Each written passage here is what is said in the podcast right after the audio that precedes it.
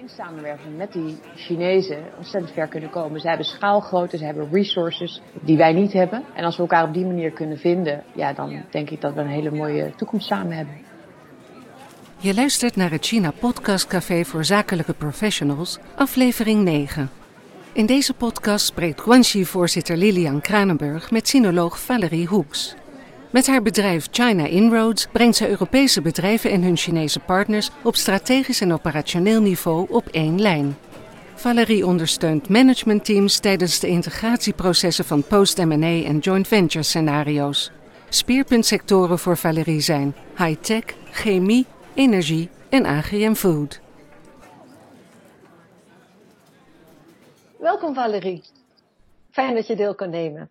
Valerie, je bent al twintig jaar actief in China. En zoals we net in de introductie hoorden, breng je Europese en Chinese bedrijven bij elkaar. Je helpt hen bij de processen waarin ze terechtkomen wanneer ze samen willen werken. Kan jij ons een beetje aan de hand meenemen en vertellen hoe je dat aanpakt? Tuurlijk, Lilian. Ten eerste ontzettend leuk dat ik met jou vandaag dit gesprek mag voeren. Ja, wat ik met name doe inderdaad is eigenlijk bedrijven die eh, bijvoorbeeld zijn overgenomen door Chinese organisaties. En meestal gaat het die kant op. Of bedrijven die samen joint ventures hebben, die hebben gewoon een integratieproces te doorlopen. Ik heb bijvoorbeeld een klant uh, geholpen in de chemie. Een heel mooi Nederlands bedrijf. En zij zijn uh, in, ja, een paar jaar geleden overgenomen door een Chinese grote speler, een beursgenoteerde club. Ja, en daar zit, uh, in Nederland zit er al 25 jaar een CEO aan het roer die uh, met um, ja, uh, volledige toewijding dat bedrijf runt. En um, gaat vol goede moed zo'n proces tegemoet. Maar toch merk je dat dat niet altijd zonder groot gaat. En nou ja, ook in dit geval is het gewoon een, een heel lastig proces. Wat je ziet is dat het Chinese leiderschap eigenlijk een bepaalde ambitie heeft. Die is vaak vele malen ambitieuzer dan wat wij uh, gewend zijn. Dus uh, als je alleen al kijkt naar, in dit geval uh, waren er doelstellingen gecommuniceerd voor omzetgroei. nou ja, in, in Europa waren zij, hadden zij er maar 2 tot 4 procent.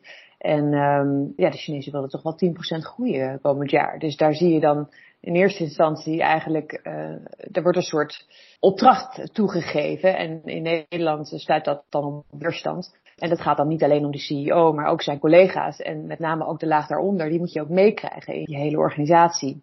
Dus op een gegeven moment, eh, dat is maar een klein voorbeeld, maar daar ontstaan een heleboel mismatches, een heleboel verschillen in aanpak. En nou ja, dat zorgt gewoon voor problemen. Dus daarin help ik hen. En uh, het is ook vaak een heel emotioneel proces. Want je ziet ook gewoon dat de leidinggevenden in Nederland het best lastig vinden om toch, ondanks dat ze dat hebben toegezegd, de zaak uit handen te geven. En je wil eigenlijk dat er uh, ja, dat de verschillende partijen op één lijn zitten. En dat is mijn werk, daar ben ik continu mee bezig. Dat klinkt ontzettend interessant, want ik kan me ook voorstellen, wat je nu net zegt, dat die grondhouding in eerste instantie heel positief is, aan beide kanten, maar gaandeweg komen ze erachter dat ze misschien niet dezelfde doelstelling hebben of misschien niet dezelfde ambities. Um, in hoeverre is de landencultuur of de bedrijfscultuur hier bepalend? Ja, beide, denk ik. Beide zijn uh, eigenlijk onlosmakelijk met elkaar verbonden. Kijk, cultuur is een heel breed begrip, maar het is natuurlijk evident dat het land waar je uh, uitkomt, dat zorgt ook voor een bepaald perspectief. En dat is eigenlijk continu wat we aan het doen zijn. Hè? Dus we kijken vanuit Nederland door een bepaalde bril. En de Chinezen kijken door een heel andere bril. Heel concreet voorbeeld is op het moment dat er in China een opdracht wordt gegeven door de leidinggevende, de hoogste baas daar ja, dan wordt er eigenlijk niet. Uh, en ik, heb, ik, ik chargeer een beetje hoor, want er zijn echt wel andere type bedrijven inmiddels in China. Maar ik werk toch wel heel veel in die traditionele hoek. Met grotere beursgenoteerde bedrijven eh, die, die nauw ook uh, geleerd zijn aan de overheid. En daar zie je toch vaak dat de leidinggevende ja, gewoon zegt zo gaan we dat doen. En iedereen ja, gaat daar vaak mee. Of ze dat nou zo ook zo zien of niet. Hè? En ja, Nederlanders bij uitstek zijn natuurlijk de mensen die de kritische vragen stellen. En ook op lager niveau. Um, dus eh, wat ik heel veel zie in organisaties is dat er bijvoorbeeld um, mails worden gestuurd vanuit China. Van jongens, wij willen graag inzicht in jullie uh, salarisschalen, ik noem maar wat. En dan zeggen die Nederlanders, maar, oh, maar wacht eens even, waarom? Wat, wat wil je dan daarmee doen? En, en ja, dat is toch iets dat ligt bij ons. En uh, ja, die mensen die die vraag stellen zijn vaak ook helemaal niet de beslissers. Dus die hebben ook maar die opdracht gekregen. Dus zo krijg je een heel verknipt communicatieproces. Waarbij eigenlijk niemand echt antwoord op de vraag kan geven. En uh, ja, dat, het is ook een heel gevoelig proces, want uh, salarisschalen, ja, mensen zijn ergens toe gewend en dan kan zomaar vanuit China het bericht komen, jongens, we gaan het helemaal anders doen. Dus het is heel belangrijk dat je continu de vragen blijft stellen van waar komt deze vraag vandaan en waarom willen ze dit weten en waar willen ze naartoe. Maar wel op een manier dat het niet continu tegen het hoofd stoot van de Chinezen. Hoe kom jij daarachter dan? Nou ja, in dit geval is het eigenlijk een onderdeel van een heel uh, ja, doorgaand proces. Uh, je begint eigenlijk als ik binnenkom bij een bedrijf. Het kan zijn, je hebt twee situaties. Je hebt een situatie waar je zegt van hé, hey, de structurele communicatie moet beter. En dan ben ik echt met het team bezig om in eerste instantie dat Chinese perspectief helder te krijgen van oké, waar komen deze opmerkingen vandaan? Uh, want er zit heel veel frustratie vaak en die probeer ik weg te nemen door eigenlijk ja, meer toe te lichten waar de opmerkingen of waar de opdrachten vandaan komen. Maar daarnaast kan het ook zijn dat er echt een conflict is. En dan ga ik, en dat kan natuurlijk nu even niet, maar dan ga ik uh, echt naar China toe om namens, vaak ga ik juist alleen, om namens mijn klant ook het Chinees perspectief helder te krijgen. Want ook ik moet dat onderzoeken.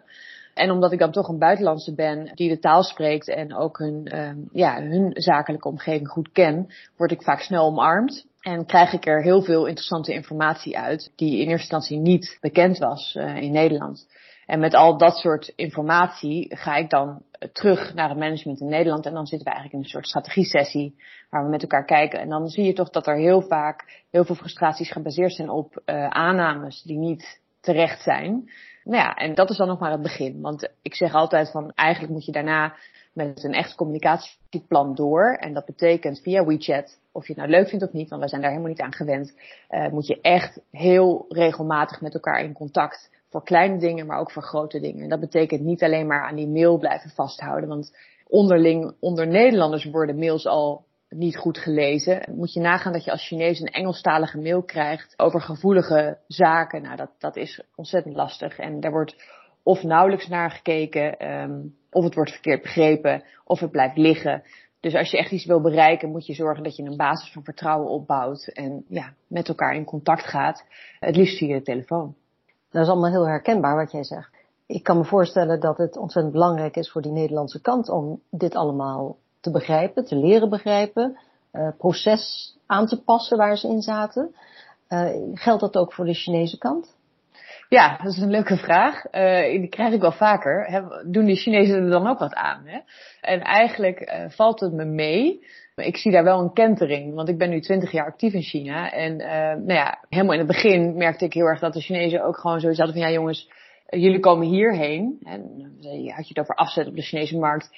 Ja, dus jullie moeten je maar aanpassen aan de situatie hier. En ik zie dat uh, steeds meer bedrijven ook wel echt een stuk professioneler worden. Die zijn internationaal actiever, hebben vaak ook mensen in dienst die internationaal zaken hebben gedaan. Dus die weten echt wel waar ze het over hebben.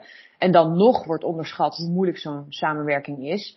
Um, maar ik heb bijvoorbeeld bij het chemiebedrijf ook, in het Chinese bedrijf heb ik daar een sessie uh, gehad. Een hele dag hebben we met elkaar samengezeten. En dat was ook waanzinnig, want ja, dan kijk je dus ook even in de keuken van, van de Chinezen. En ook hun frustraties kwamen allemaal op tafel. En bij de Chinezen moet je iets meer trekken om um, de eerlijke antwoorden eruit te krijgen. Maar op een gegeven moment toen, uh, ja, er zat best wel een grote groep. Toen uh, ging die microfoon de hele ruimte rond en mensen die, we gingen ver over tijd, want mensen bleven maar hun ervaringen delen. En het is ontzettend leuk. En dit is alleen maar een, een momentopname. En dat is altijd mijn boodschap. Hè. Als je niet daarna doorpakt, dan kan je net zo goed niks doen. Dus dat is echt cruciaal. En nou ja, ik zit dus continu als sparringpartner of als coach, zowel aan de Chinese kant als aan de Nederlandse kant, om dat proces dan ook verder te begeleiden. En de frustraties die die Chinezen dan hebben jegens dat Nederlandse bedrijf, zijn die nou heel typisch? Zijn die heel erg markant voor dat bedrijf? Of is dat ook wel weer, wel weer allebei, zowel bedrijfscultuur als de landencultuur? Ja, ik denk ook beide weer. Uh, er zijn een paar concrete dingen die altijd naar voren komen bij ieder project wat ik doe. Uh, het eerste is de traagheid van onze processen. in China hebben ze natuurlijk, uh, trekken ze een blik Chinezen open en dan kunnen ze binnen een eh, binnen een dag kunnen ze van alles voor elkaar krijgen. Eh, ik heb veel dingen in entertainment gedaan. Je kijkt je ogen uit wat er uh, overnight wordt neergezet. Nou ja, we hebben net gezien in Wuhan, zo'n ziekenhuis. Dat gebeurt ook in realiteit bij andere bedrijven. En ze begrijpen dus ook niks van onze beperkte resources. Hè? Dus bijvoorbeeld, ik doe veel in de R&D en daar zie je dan dat er twee of drie hele goede onderzoekers zitten. En uh, die weten hier wat we moeten doen. Maar die mensen zijn ontzettend schaars. Er, er studeren hier jaarlijks een paar honderd mensen uh, af aan, uh, aan de universiteit met zo'n pakket. Of met zo'n profiel. in China zijn dat er ja, tienduizenden, zo niet honderdduizenden. En daarbij komt kijken, dat zou jij ook wel herkennen, dat wij als designers of als ontwikkelaars heel graag een perfect product op de markt brengen. En Chinezen die zijn gewoon trial and error, we gaan. Ze hebben namelijk geen tijd, want als zij niet gaan, dan gaat de concurrent.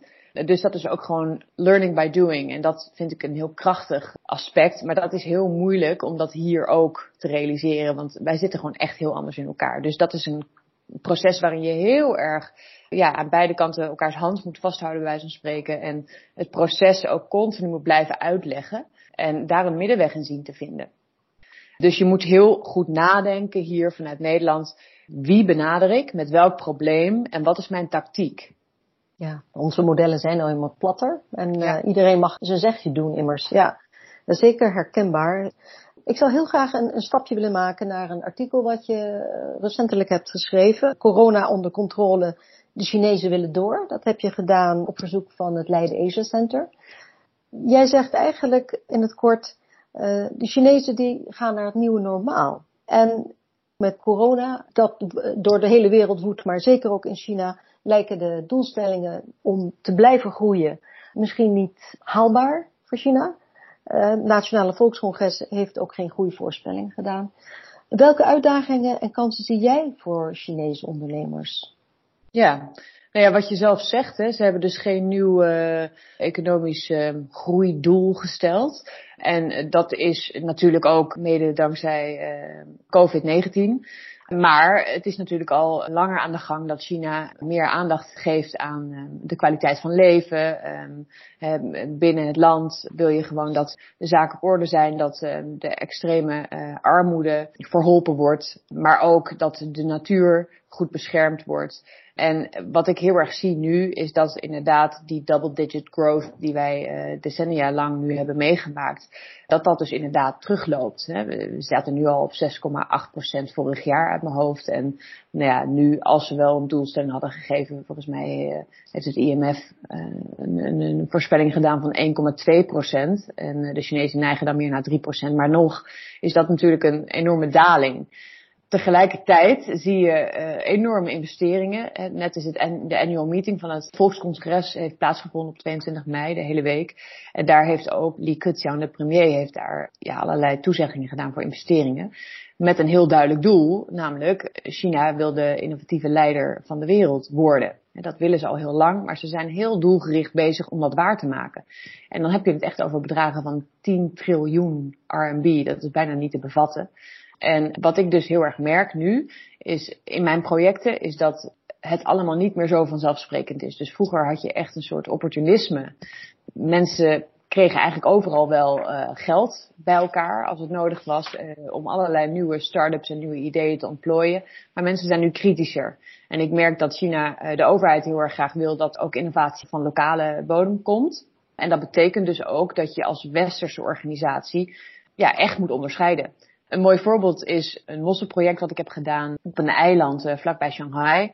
En die Chinese mosselman die is verantwoordelijk voor het vissen van de mosselen tot en met uh, verpakking en aflevering aan de retail. En dat hele proces behoeft allerlei machines. En er wordt nu nog heel veel handmatig gedaan. Maar je kan je voorstellen, op zo'n eiland heb je te maken met vergrijzing. En veel jonge mensen verlaten het eiland, want die willen ergens anders gaan studeren voor meer kansen. Dus er was heel erg behoefte aan automatisering van dat proces. En uh, nou, daarvoor hebben wij natuurlijk in Zeeland een hele mooie partij uh, gevonden die aan de behoefte kon voldoen. Maar um, we hebben echt, ik denk wel vier delegaties gehad, ook van allerlei officials, die dus komen kijken van, goh, gaan wij als uh, eiland ook die investering doen in deze technologie of hebben wij lokale alternatieven? En dat is niet alleen een uitdaging voor westerse organisaties, maar ook voor de Chinezen. Want vroeger was het gewoon even je vinger ophouden en ja, als je een beetje een goed verhaal had, dan kreeg je zo 50% van je project gefund. En dat is gewoon nu niet meer zo.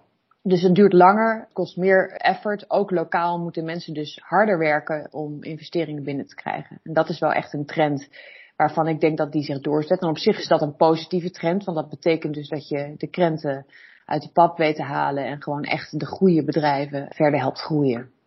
Dat vind ik mooi wat je zegt, want dat is ook meteen misschien een vraag die we aan onszelf moeten stellen. Want als je kijkt immers, uh, je hebt er net iets over gezegd, als je kijkt naar de paar doelstellingen die China zichzelf stelt, bijvoorbeeld het strategische plan van premier Li Keqiang om in 2025 van China een, een land te maken waar hoogwaardige technologische producten vandaan komen.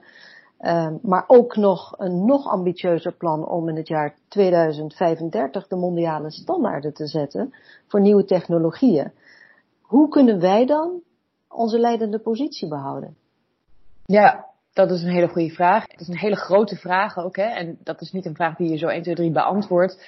Uh, maar het is wel iets waar uh, natuurlijk onze overheid en ook uh, andere Europese landen continu mee bezig zijn. Hè? En nu ook helemaal in het speelveld waar we eigenlijk een beetje tussen Amerika en China in zitten. Hoe willen wij ons verhouden ten aanzien van China en ten aanzien van de VS? We worden bijna gedwongen om, om kant te kiezen wat ik zie, inderdaad, wat jij zegt, die China Standards 2035, dat is nog bijna niet op het netvlies van velen. Maar dit is dus die langetermijn strategie van China. En dat maakt ze waanzinnig sterk. Ze hebben zo'n heldere strategie. En dit COVID-verhaal is echt een hiccup voor hen geweest. Uh, maar dat leidt er niet toe dat ze, dat ze hun ambities bijstellen. Sterker nog, die investering die ik net noemde, dat is alleen maar een extra investering waardoor ze waarschijnlijk nog sneller komen waar ze willen zijn. En ze maken graag gebruik van de situatie dat Amerika nu nog uh, heel andere prioriteiten heeft, namelijk de volksgezondheid, waar China alweer aan het opbouwen is. Kijk, ik zie dat uh, dit soort investeringen in innovatie, en dan heb ik het over 5G, uh, de automotive industrie, dat zijn echt de vakgebieden waar China enorm hard aan het vooruitstomen is. Dat is iets waar China ontzettend goed in is. Ze hebben ook de schaalgrootte om uh, veel te testen. Ze kunnen ook snel stappen maken. Wij zijn, en dat is ook natuurlijk in die China-notitie uh, vorig jaar naar voren gekomen. Wij hebben een aantal topsectoren waar je ook op wil inzetten. En wij als klein kikkerland hebben al hele specifieke krachten, zeg maar. Uh, maar ook binnen Europa hè, kan je krachten bundelen. Maar wat ik een beetje mis in zo'n China-strategie is de concrete aanpak. Want je, je hebt zeg maar de, de topsectoren, die kan je beschermen. Uh, we hebben het net gezien. IAC wil ze uh, overnemen. Daar wordt eigenlijk met behulp van de overheid wordt daar een uh, stokje voor gestoken. Maar wat ik wel zie is uh, dat in mijn praktijk dat ik gewoon heel erg case by case kijk. Dus hoe kunnen wij onze leidende positie behouden? Bijvoorbeeld, ik werk voor een heel mooi NKB-bedrijf. Echt in het zuiden van Nederland. Niemand heeft er nog ooit van gehoord, maar zij zijn super succesvol in China. Verkopen daar uh, tientallen afvalverwerkingsmachines. Maar ze verkopen niet hun nieuwste innovaties. En dat is natuurlijk een open deur. Maar in theorie of in praktijk is dat nog best wel uitdagend. Want de Chinezen weten wel dat je door aan het ontwikkelen bent. En ze willen natuurlijk die nieuwste innovatie. En ze zetten ook druk op de ketel door aan te geven. Joh, we hebben lokaal ook concurrentie. En hete adem in de nek. Uh, die kunnen ook een heleboel. En eigenlijk zijn, is deze partij, vind ik een heel mooi voorbeeld. Die zeggen eigenlijk heel concreet van jongens. Uh, het gaat niet alleen om het kopiëren van onze technologie. Het gaat ook om de jarenlange kennis. Want in uh, afvalverwerking uh, gaat het immers niet alleen om die technologie. Het gaat ook om, om het afval zelf. En hoe verhoudt zich dat tot de machine? Uh, ze hebben allerlei problemen met te veel olie, te weinig olie. Er zitten bepaalde uh, niet-organische materialen in. Nou, dat is een heel, heel leerproces. En dat is eigenlijk de kracht van mijn klant. In dit geval, en dat weten ze. En daarom zijn zij als kleine speler wereldwijd actief. En verkopen zij echt, ik, ik sta er echt van te kijken, ze groeien als kool. Verkopen zij echt wereldwijd aan heel geavanceerde en innovatieve spelers nog steeds hun machines. Dus eigenlijk wat je zegt, tot slot is, wij moeten blijven innoveren. We moeten ja. doorgaan. We kunnen niet ja. stoppen, stilzitten, op onze handen zitten. Dat zit natuurlijk ook niet in onze volksaard, maar er is nu nog een extra reden om alert te blijven. Want de, China die heeft zichzelf doelstellingen gesteld en die zal, als we niet uitkijken, dadelijk op onze positie zitten. Ja, ik denk, uh, je zegt in heel andere woorden eigenlijk precies wat ik wil zeggen. Dat klopt. En uh, ik, ik denk ook inderdaad dat, dat we daarin, uh, soms hebben wij ook een bepaalde houding hè, die heel anders is dan de Chinezen. De Chinezen zijn, zijn trots. Het is een enorm collectief volksgevoel van gewoon jongens, wij gaan met elkaar. Wij doen concessies ook individueel om met elkaar tot dat doel te komen. En in uh, Nederland hebben wij überhaupt een natuur van, goh, doen we normaal, dan doe je al gek genoeg. En we kloppen ons niet zo snel onszelf op de borst. Uh, maar we hebben echt waanzinnige innovaties hier. Uh, en ook in Duitsland, ook in Frankrijk, ook in Engeland. En dan heb ik het nog niet over Finland en Zweden. En dat moeten we ook een beetje uitbuiten. En uh, daar mogen we best wel heel erg trots op zijn. En ik denk dat we in samenwerking met die Chinezen ontzettend ver kunnen komen. Ze hebben schaalgrootte, ze hebben resources die wij niet hebben. En als we elkaar op die manier kunnen vinden, ja, dan denk ik dat we een hele mooie toekomst samen hebben. Maar inderdaad, alert blijven, maar dat moet je in iedere business. Laten we die gedachte koesteren, dat we elkaar kunnen versterken aan beide kanten, op de voorwaarden die we aan beide kanten ook prettig vinden. Valerie Hoeks, ik wil je heel erg hartelijk danken voor de tijd die je hebt genomen, voor je inzichten. En ik hoop je binnenkort in levende lijven te zien. Ja, dat hoop ik ook, Lilian. Dankjewel voor dit gesprek. Leuk. Graag gedaan. Je luisterde naar het China Podcast Café, mede mogelijk gemaakt door Joël Kolen, Joke Bruinzeel en Lilian Kranenburg, bestuursleden van kennisnetwerk Guanxi. Voice-over en montage door VoiceOver House.